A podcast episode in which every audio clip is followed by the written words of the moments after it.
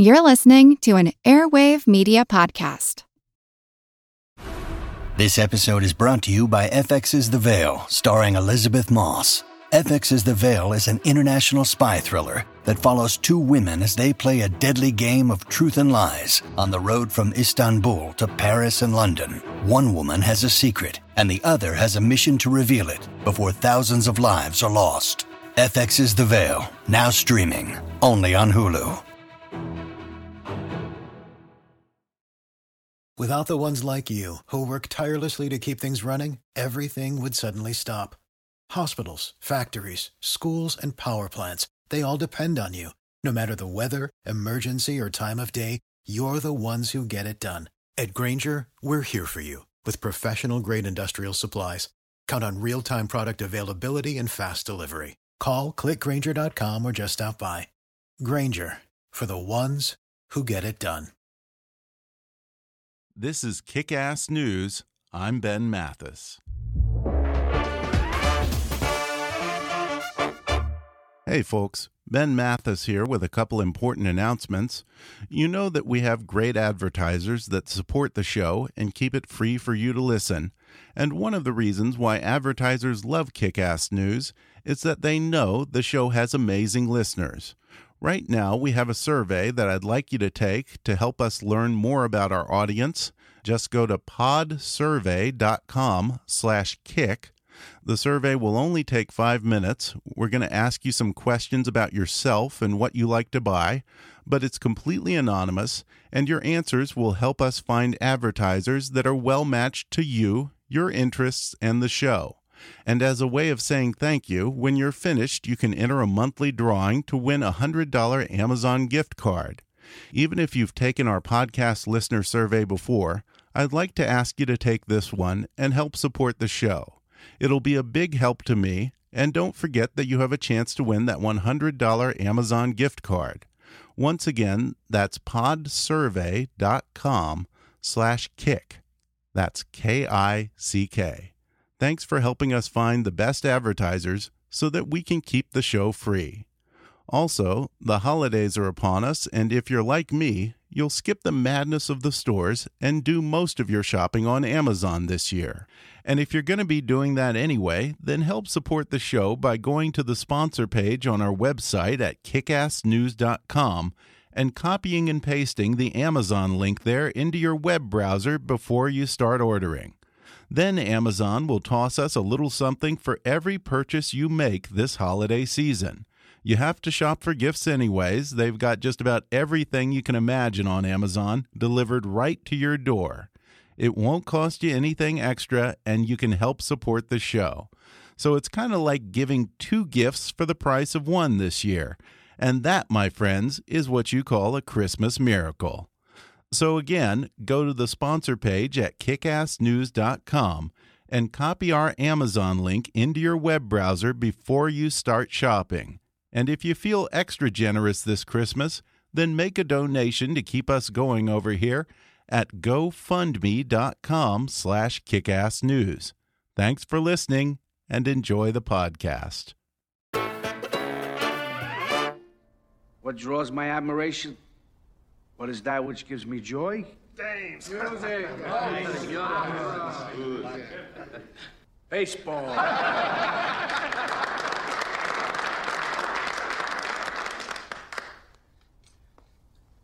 A man stands alone at a plate. This is the time for what? For individual achievement. There he stands alone. But in the field, what?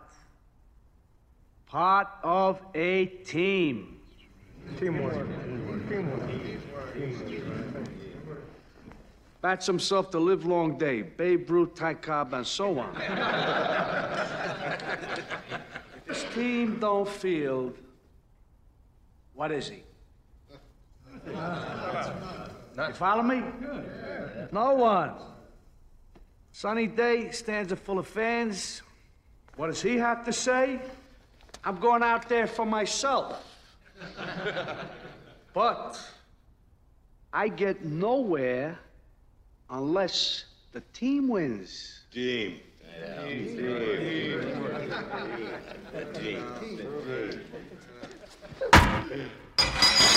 Oh, Jesus Christ.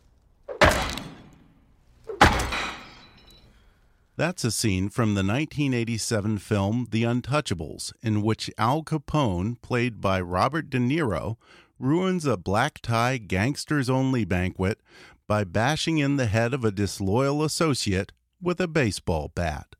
The scene has since been included in biographies and documentaries about the notorious mobster, but the problem is, according to my guest today, that scene probably never happened.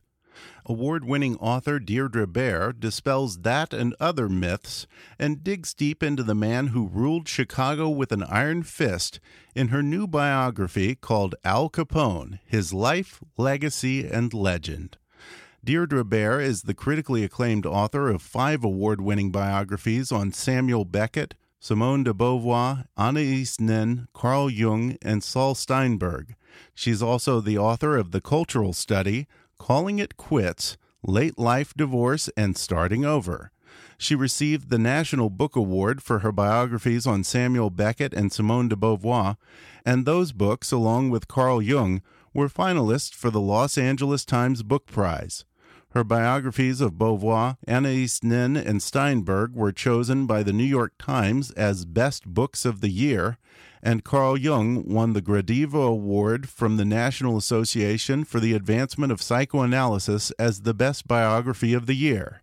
Deirdre Bair has appeared on CBS's The Early Show, NBC's Today Show, PBS's Fresh Air, Charlie Rose, Brian Lehrer, and other TV programs. Today, she comes on the show to talk about her book, Al Capone His Life, Legacy, and Legend. She'll share how she got unprecedented access to the surviving relatives of Al Capone and how their stories, passed down through the family, revealed the human side of the notorious gangster. She'll cut through some of the many myths and legends surrounding Capone, including the famous baseball bat scene. She'll discuss how he was quickly able to move up in and then take over the Johnny Torrio gang, and how his business acumen led none other than the Harvard Business School to do a case study on his illegal empire. She'll talk about the security measures he put in place, including a bulletproof desk chair, secret tunnels, and throngs of bodyguards, famously referred to as Capone's Wall of Meat. She'll divulge where the gangster hid out when things got too hot in Chicago and why he once got arrested on purpose. She'll dispel the myth of Eliot Ness and talk about the people who really caught Al Capone, including one prominent lady lawyer in the 1920s plus Al Capone's insatiable need for publicity, and how that sat with his camera shy contemporaries at the head of the other mafia families. And finally, how the man who was once king of Chicago met his pitiful fate not at the end of a gun, but mentally debilitated and ravaged by neurosyphilis. Coming up with author Deirdre Bair in just a moment.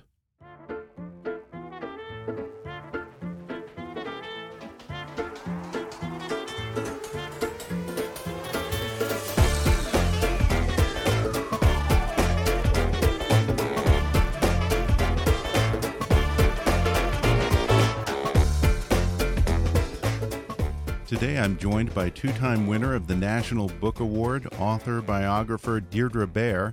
Her new book is Al Capone His Life, Legacy, and Legend. Deirdre Bair, thanks for joining me over the phone. Oh, I'm happy to be here. This is an interesting departure for you, I guess I would say. In past books, you've covered figures that have included Samuel Beckett, Anais Nin, Simone de Beauvoir, Carl Jung, Saul Steinberg your current subject could not possibly be more different from those. Why Al Capone? This one was really different. A friend of mine in publishing came to me and said that uh, a gentleman named Capone wondered about how closely related he was to Al Capone, and he wanted to find out his family's history. And uh, she said uh, he was looking for someone to help him. And so I replied facetiously. I said, you know, is he looking for a private detective?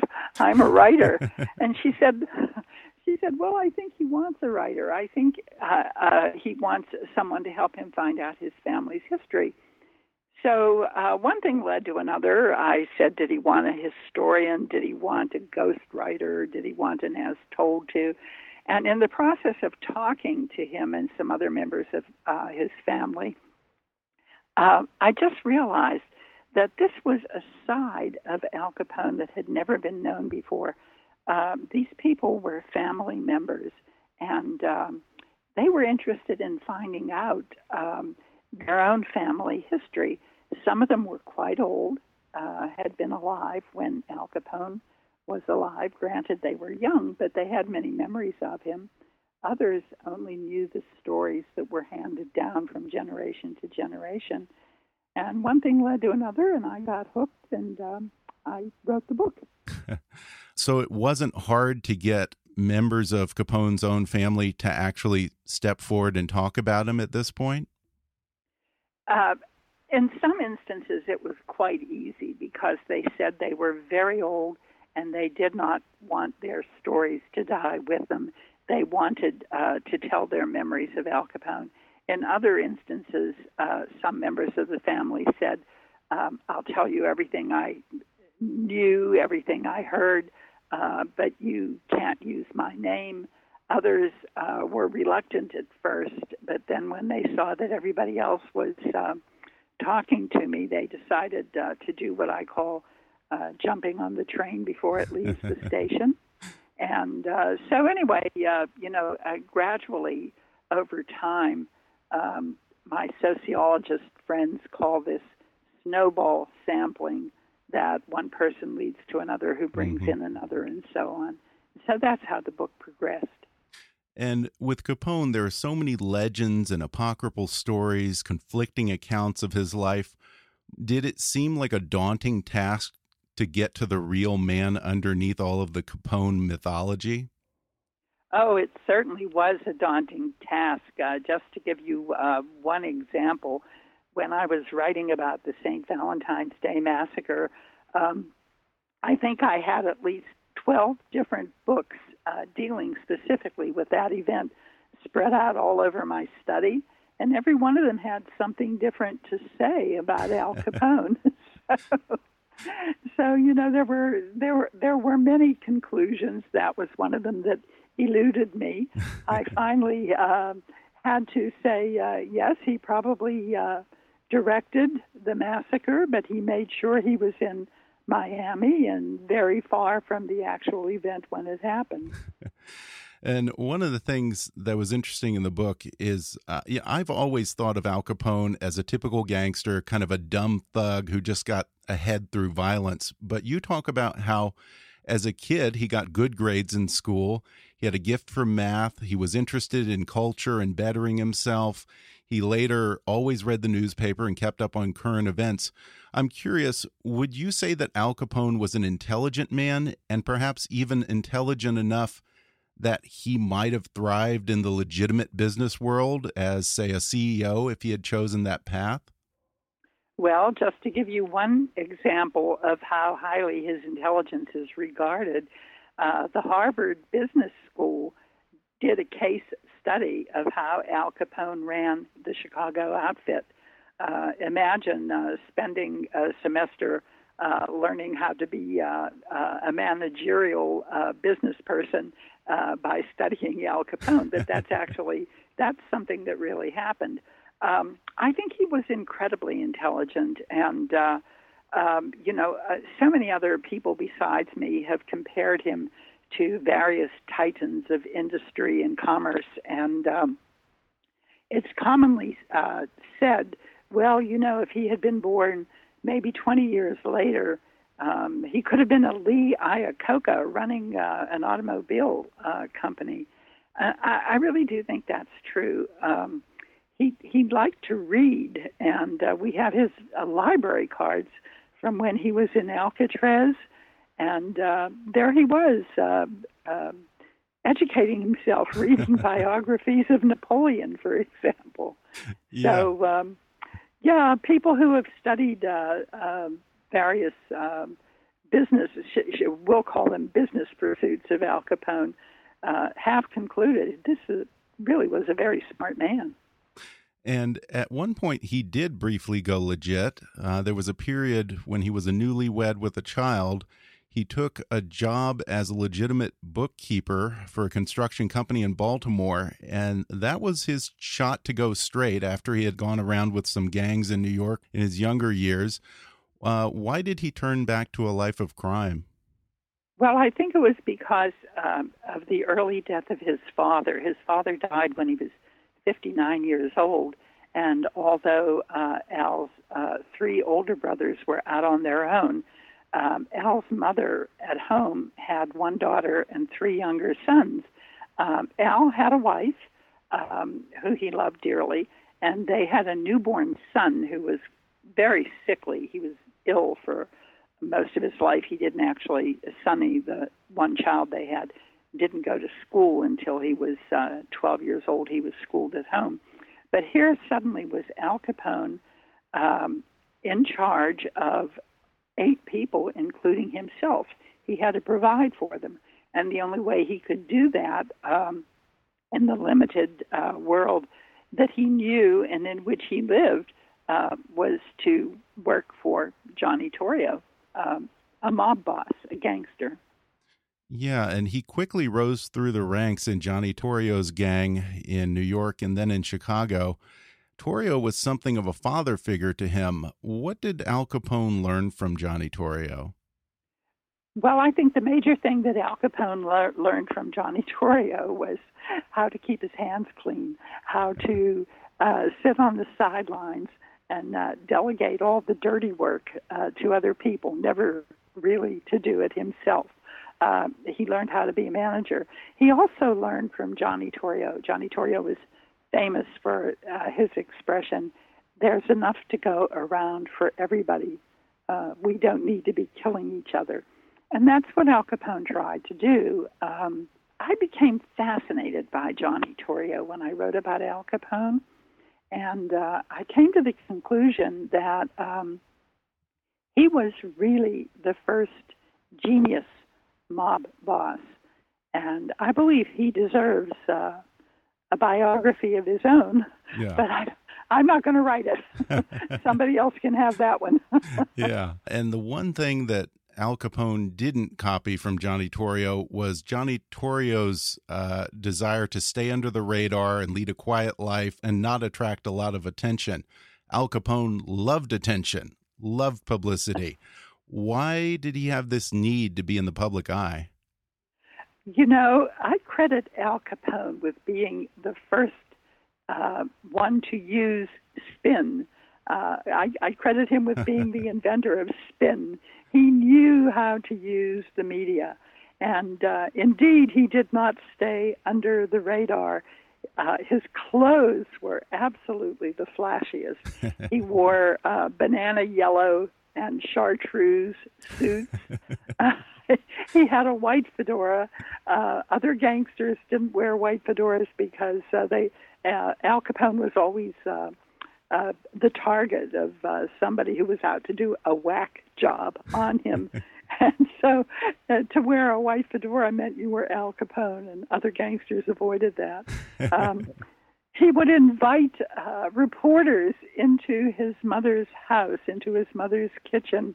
And on one occasion, he was standing there in a pink apron, stirring a pot of spaghetti. He never cooked. His mother never let him near a stove. Uh, so, you know, he he just manipulated the media. He had uh, editors and reporters on his payroll. Uh, he tried to hire the most famous uh, public relations consultant uh, in those early years in the 1920s. The man's name was Ivy Lee, and uh, he had turned around the reputation of people like uh, John D. Rockefeller uh, and Standard Oil, or uh, Charles Lindbergh, who had reputed Nazi sympathies. Right. And so Al thought, well, you know, this is this is the guy to help me in my troubles with um, the IRS, who were trying to put him in jail for tax evasion. Uh, and of course, Ivy Lee uh, very wisely decided that Al Capone was not uh, the kind of client that he wanted or needed. and what was Al Capone's relationship like with his contemporaries at the head of other gangs like Lucky Luciano and Meyer Lansky in New York? Did they bristle at his need for publicity? They did, and as a matter of fact, uh, he was not invited to what is generally believed to be the first uh, gang summit that was held in Cleveland, uh, but he was invited to one in Atlantic City. And uh, when the other uh, gang leaders uh, tried to uh, meet very quietly in sedate business suits and uh, uh, quiet hotels, uh, Al Capone was right out there, right on the boardwalk in Atlantic City, in his flashy clothes and his diamond pinky ring and his white fedora, um, entertaining uh, anybody who wanted to talk to him. And once he took over Johnny Torrio's gang, he got embroiled in what they called now the Chicago Beer Wars. Um, he always had a target on his head, it seems. If I was, say, a rival gang and wanted to bump off Al Capone, what kind of security would I have had to get through to get to him? Oh, my goodness. Well, first of all, uh, he always um, rode when he was out uh, in public in uh, a, a a reinforced car. Um, he, he had two or three of them. So, you know, some people say it was a Cadillac, and other people say it was a Duesenberg or whatever. Um, but he had two or three of these cars that he had armor plated um, at a very uh, significant expense. Uh, they had bulletproof glass. They also had uh, back windows uh, that could be lowered so that machine guns could be uh, placed there and uh, shots could be fired from the back window. So he had two or three of these. He traveled in that entourage. And within um, the various hotels where he had his headquarters in Chicago, um, oh, you had to go through tremendous security in the lobby. And then when you got off the elevator on the floor where Al had his offices, uh, you had to go through. Um, a phalanx of bodyguards. Um, somebody called them, I think it was in the New Yorker, an article was written about him, and they called it Al Capone's wall of meat. These huge bodyguards. And then if you did manage to get into um, his office, uh, there were, of course, people with guns surrounding him. Um, so, you know, you couldn't make a false move. Um, and you said even his desk chair was bulletproof. Yes, two of his henchmen gave him a chair. He he had um, his desk uh, set into the windows. He was, you know, four to twelve stories up um, in um, these various hotels. Uh, but he did like to sit in the window and look out um, at the city of Chicago, which he did own. Um, and uh, so they had the back of the chair bulletproofed uh, so that if he had his back to the windows uh, and someone tried to shoot him, uh, they'd shoot the chair and the bullets wouldn't get through. And I think you said that there were also hidden doors and secret underground passageways at these hotels so he could make a quick escape if he needed to? Well, there were underground passageways, but they weren't so secret because of the terrible winters in Chicago. Um, uh, on the main streets, particularly under Michigan Avenue, um, the the stores, the buildings were connected by underground passageways so that deliveries could be made and goods uh, could be shipped uh, back and forth and services rendered. So they weren't all that secret, but certainly they were underground passageways. During this period of the Chicago Beer Wars, and this was a time when other gangsters, like gangsters in New York, would refer to Chicago as just some crazy, you know, Wild West kind of place, mm -hmm. even by mm-hmm. their standards. Um, Al Capone often had to drop off the radar and disappear for a bit. Uh, he would leave town or he would stay with a friend. Um, apparently, it was getting harder and harder, though, for him to find any town that would accept him, right? True enough. Um, he uh, he would um, go. He had friends in Northbrook, um, friends who worked for him in the outfit, and they had big estates uh, that were carefully guarded. So he went there to that Chicago suburb. Uh, he went over to Lansing, Mich- Michigan, a couple of times. He was on the Chicago Dunes. But he and his brother, uh, his older brother Ralph, who was his right hand man in the outfit, they bought property in northern uh, Wisconsin near Hayward and Mercer, places up there. And uh, so the, the townspeople there, many of them are still alive. I had a wonderful time talking to people in, in northern Wisconsin, and they would tell me about how um, all of a sudden you would see this fleet of huge black armored cars roaring through uh, town on their way to the hideouts, uh, the Capone hideouts, and um, they have funny stories to tell about how their parents would say to them, uh, "Now, if you see those black cars, or you see the guys in them uh, getting out of the cars."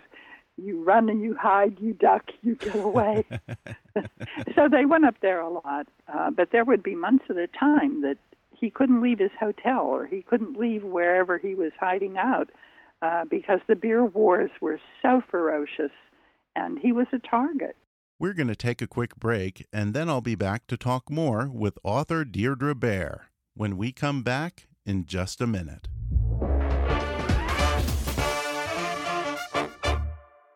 If you're interested in my conversation today, you should check out Al Capone, His Life, Legacy, and Legend by my guest today, Deirdre Bair.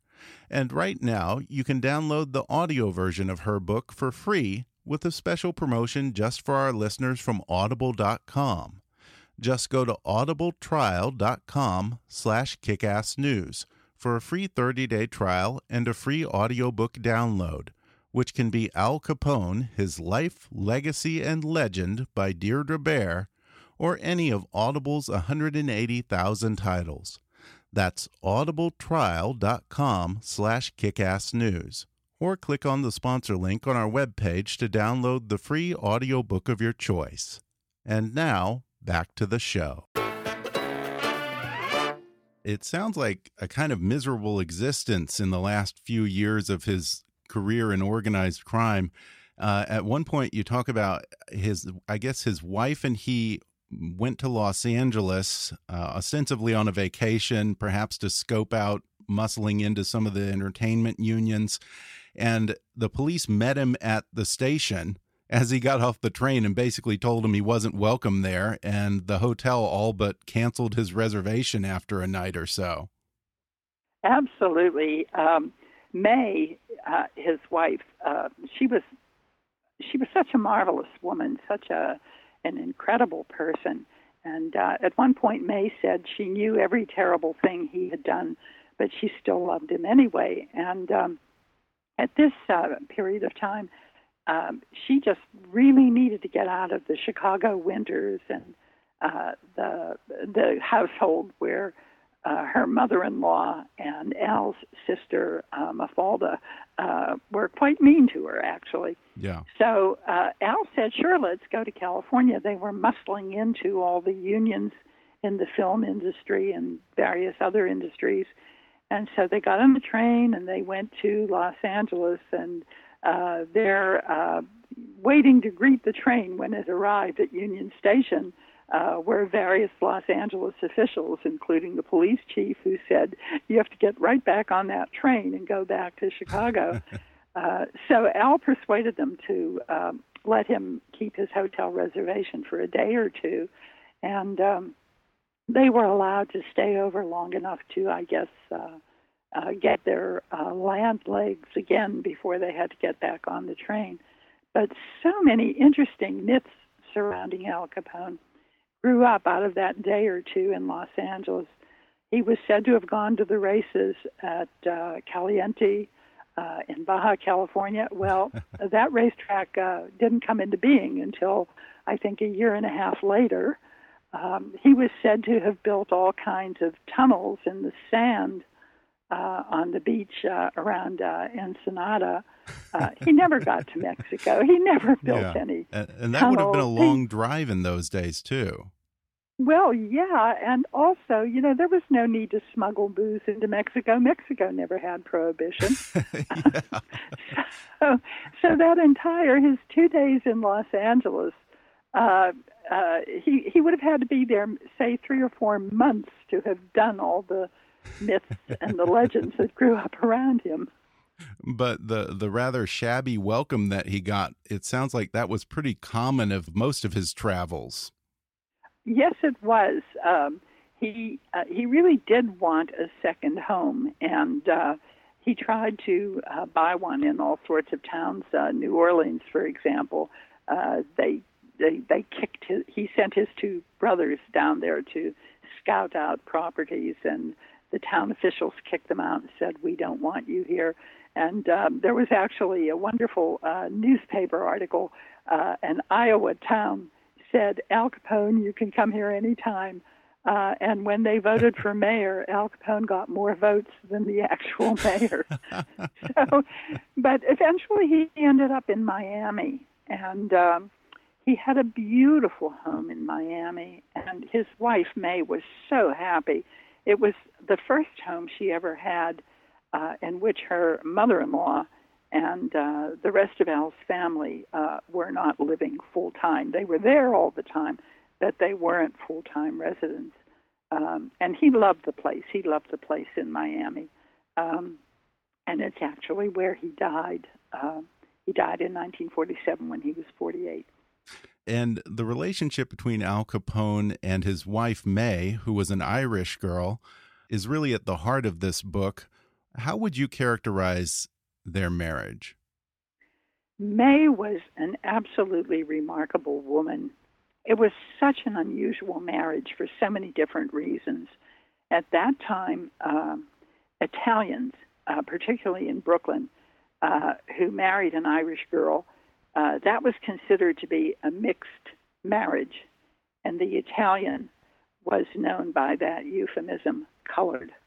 Um, May was determined to marry Al. They were deeply in love. Uh, they met at the box factory where they both worked. It was one of Al's few legitimate jobs. And uh, she was two years older than Al. And um, they became sexually active um, shortly after they met. And she became pregnant. Unlike most Irish girls who were quote unquote sent away uh, to visit a relative, May stayed home. Uh, and uh, it was a very difficult pregnancy. Um, and uh, her mother, uh, who was widowed, um, wouldn't let May and Al marry.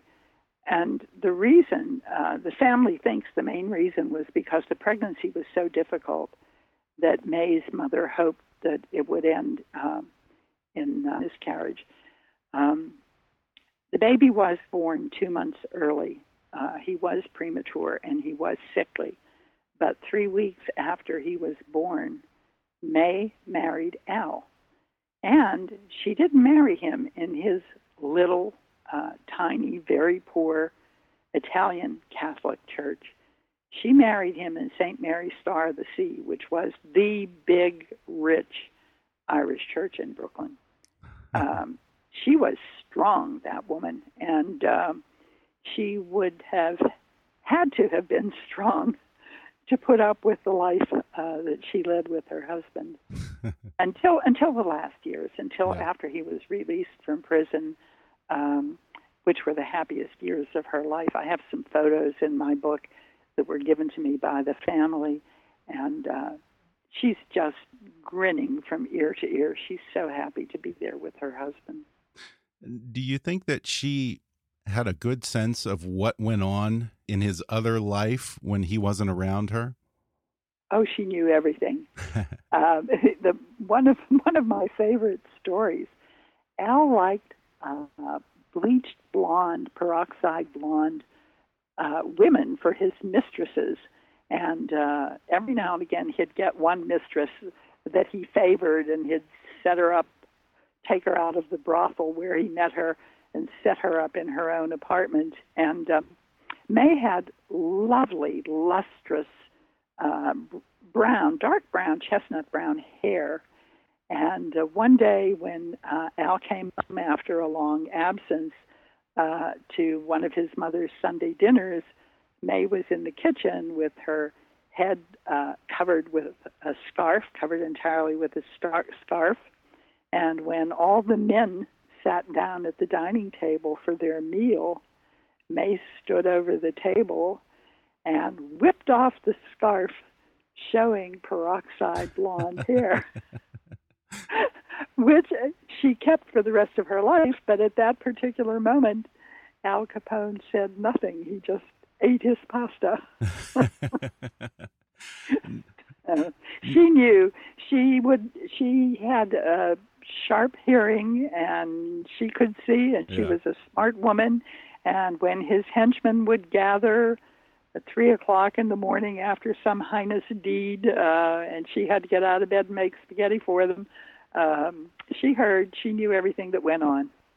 And I want to ask you about his famous temper. There's this famous scene where he's at a meeting with some of his associates in a private room at a restaurant, and it's in the movie The Untouchables, and it's referenced all the time, where he starts lecturing them on teamwork and baseball, and then he bashes one of his associates' head in with a baseball bat.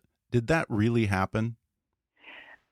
What really happened was two men, uh, Anselmi and Scalise, turned against him. They were recruited by another mob, or so he heard. We don't really know that uh, they actually accepted uh, to uh, eliminate Al, to uh, kill him, um, but he thought they did. So uh, he invited them to a dinner. Uh, the place of the dinner has never been verified. Uh, what happened at the dinner has never been verified beyond this fact that they were killed. They were put into their car and driven to Hammond, Indiana, across the border from Illinois, from Chicago, right on the lake. And they were, uh, they were, their bodies were riddled with bullets, um, and the car was set on fire. That much is true. Uh, that event actually happened. That murder took place. Uh, where it took place, we don't know. Was there a baseball bat in the room? we don't know that. Uh, that uh, was in movies. Uh, it was in books. It was elaborated upon until by the time we got to that that incredible, stunning scene with Robert De Niro uh, and the baseball bat. Um, it's actually it's wonderful uh, drama and wonderful fiction, uh, and it could have happened. Maybe parts of it are true, but we don't know the entire truth of it. All we know is that An- Anselmi and Scalise were put in their car, driven to Hammond, Indiana. Their bodies were riddled with bullets, and their car was set on fire. That's all we know. Which ought to be enough. I should say. Yeah. And another example of one of these stories that we only kind of got half the story on was at one point, I think in the late 20s, when things were getting pretty hot for him, he got arrested on a gun violation in Philadelphia and he was sent to jail there. You say that that was entirely intentional on his part. Why did Al Capone want to go to jail? So Al Capone decided that um, uh, Philadelphia was a good town to go to jail in because he had a lot of people there who were working for him or who would protect him, and uh, he was he was tired. Actually, he was exhausted from the beer wars, and he needed a rest. And he thought he'd be sent. Uh, uh, he thought he would be given a term of you know one month, two months. Great time to hide out, to recoup, uh, to figure what comes next. Well, um, he had a punitive judge who sentenced him to 13 months. he hadn't expected that. Yeah, and it sounds like he had bad luck with judges in general. Because um, when he finally did get caught and went to prison, I guess he had already arrived at a plea deal through his lawyer with the prosecutor, and the judge just decided not to accept it, huh? The whole trial, um, as uh, one of the lawyers in 1990 who was involved in a retrial uh, said, uh, well, that was Chicago then, intimating that uh, even those within the legal system uh, were oftentimes not entirely legal. Uh, there were so many inconsistencies in Al Capone's trial. And uh, Judge Wilkerson, who presided over his trial, did a really smart thing. Uh, he knew that the jury pool had been corrupted, that Al had bribed uh, most of the jury pool. So he knew that another judge had a trial that was starting on the exact same day as his. And so at the very last minute, the judge said, uh, Well, we're going to have a half an hour hiatus before the trial starts. And at that point, he switched pools with the other judge so that um, there was no chance for Al Capone to contaminate the new jury. And um, they were um, upstanding Protestant farmers, small business people who had probably never seen an Italian American, let alone known one. And um, they were staunch upholders of prohibition, and uh, uh, they just convicted Al Capone up one side and down the other. Today, looking back, in popular lore, Eliot Ness gets so much of the attention for being the man who quote unquote caught Al Capone. But you don't devote much of the book to him. And in fact, you say that while he got headlines for raiding Capone's breweries and his speakeasies, he actually had very little to do with sending him to prison. So, who were the people who were most instrumental in convicting Al Capone? Actually, it was two or three very quiet little uh, accountants uh, who were tiny little fish in uh, the IRS uh, and uh, the FBI um, there was a woman lawyer, Mabel Walker Willebrandt, um, who was a staunch uh, enemy of prohibition. She's a very interesting woman, and uh, she's been written about in uh, a number of books about uh, women lawyers in the 1920s. Um, and she was determined that um, uh, you couldn't get him uh, on any charges relating to crime, but you could get him on tax evasion. And uh, she persuaded uh, a, a, number of other accountants uh, that if you followed the money, you could put Al Capone in jail. And that's exactly what happened. I mean, Ness did go out and uh, uh, line up reporters from Chicago newspapers to come and watch him with a sledgehammer uh, bashing a keg of booze. But it was those accountants uh, who worked behind the scenes very quietly and diligently for two or three years. They're the ones who put him in jail. And by the time he went to trial and eventually went to prison, prohibition was on the verge of being repealed anyway. If he hadn't gone to prison, did Al Capone have a post prohibition business plan? And how do you think he would have fared without all that liquor revenue? Uh, Jake Guzik, who was his business manager, if you will, within the Ostet, said, you know, we have to do other things. Um, there, there really, I couldn't find very much mention of drugs. So I don't, th- I don't think that at the time there was any plan to go uh, heavily into the business of drugs. Uh, however, um, they they worried that their revenues uh, from brothels and from gambling uh, were going to be cut significantly. And uh, so they, they already were thinking, you know, what can we do? What can we go into? And Al Capone joked uh, about the milk business, that he should have gone into the milk business because it was legit. People always needed to drink milk. You mentioned his brothel business. Apparently, his involvement in prostitution was a touchy subject, even though it brought him a good amount of income. He didn't want the label of being a pimp there are so many uh, inconsistencies in the personality of Al Capone, um, and this is one of them. He made a very good living from the brothels. He enjoyed the wares, shall we say. He took advantage of the women. Some of them he actually took out of prostitution and set them up into uh, uh, becoming his mistress for a period of time, or then helping them uh, find a husband or go off into a, a legitimate life. And yet, I had Al Capone's medical records, and anytime anyone, uh, a doctor or a psychologist, would bring up the subject of prostitution, he would become violently angry. He would go off on a tirade. He did not want anyone to associate him uh, with uh, taking advantage of women. The popular lore has it that when he went to Alcatraz, his health suffered greatly, and by the time he was released, his mind was already starting to be ravaged by neurosyphilis.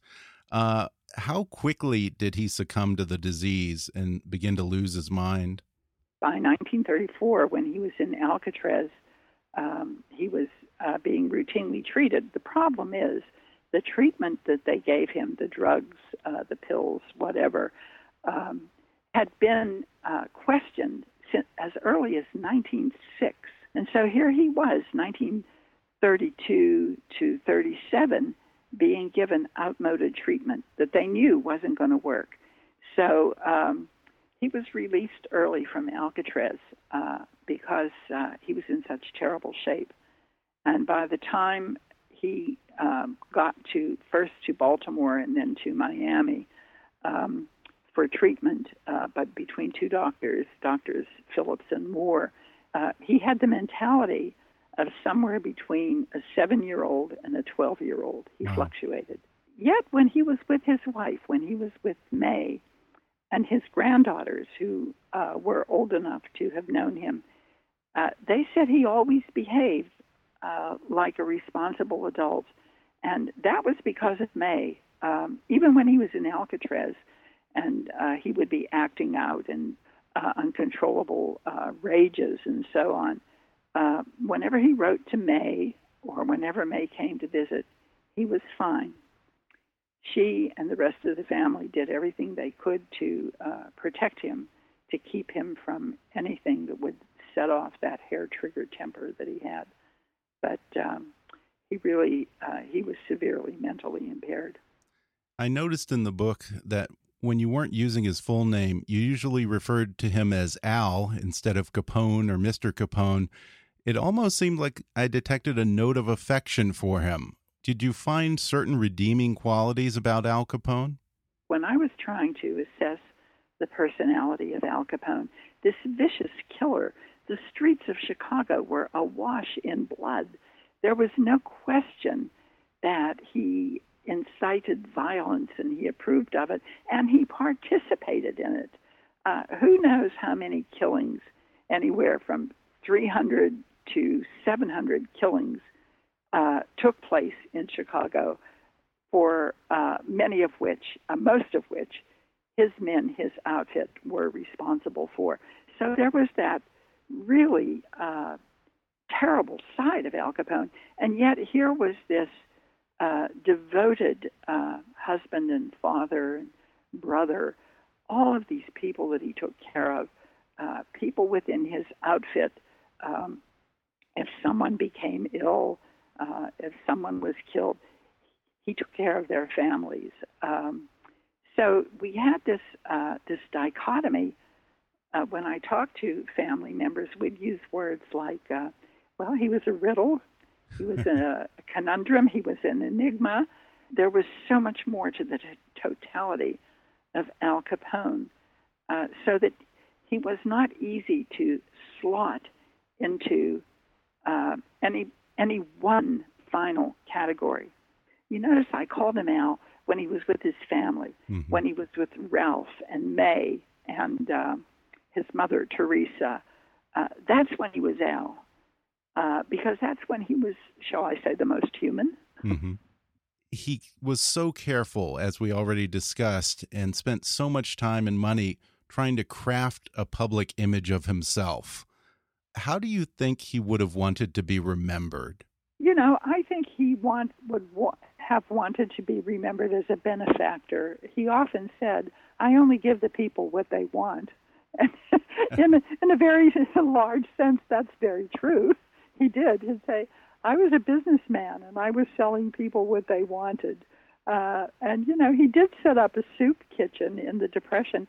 He fed over 3,000 people a day a hot meal, not a cold sandwich wow. and an apple, yeah. but a hot meal. Well, yeah, but then there are people who say, sure, um, he was able to do this because he extorted the food from other small businesses and never paid for a penny of it himself. I, I think uh, he would enjoy all the ways in which his name is used today, but I think the ones uh, that he would really uh, care about and wish to promote would be the ones that have him doing good deeds. Well, the book is a terrific read. I highly recommend it. It's called Al Capone His Life, Legacy, and Legend. Deirdre Bair, thanks for talking with me. It was my pleasure. Thank you. Thanks again to Deirdre Bair for joining me. And if you enjoyed today's podcast, you can order her book, Al Capone His Life, Legacy, and Legend, on Amazon. Or you can also download the audio version for free through that special trial offer just for our listeners at audibletrial.com slash kickassnews. And visit her website at deirdrebairauthor.com. D-E-I-R-D-R-E-B-A-I-R author.com. Don't forget to take our listener survey so we can keep the show free and find advertisers who are best matched to you, our listeners. Just take five minutes to go to podsurvey.com slash kick and take the survey. And when you're done, be sure to register for that $100 Amazon gift card giveaway. And once again, before you start your Amazon shopping this Christmas, visit the sponsor page on our website at kickassnews.com and copy our Amazon link into your web browser first. Then Amazon will kick us a little coin for every order you make this season. Be sure to subscribe to Kickass News on iTunes and leave us a review while you're there. You can visit Kickass News on Facebook or follow us on Twitter at, at KAPolitics. And please be sure to recommend Kickass News to your friends on your social media. And if you really want to help out, then donate to our GoFundMe campaign at gofundme.com slash kickassnews.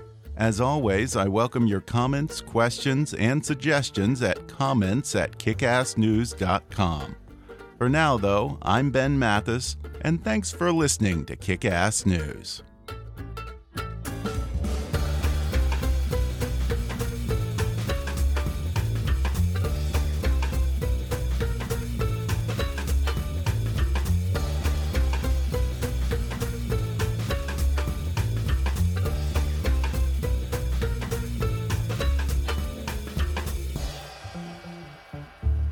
Kickass News is a trademark of Mathis Entertainment, Inc.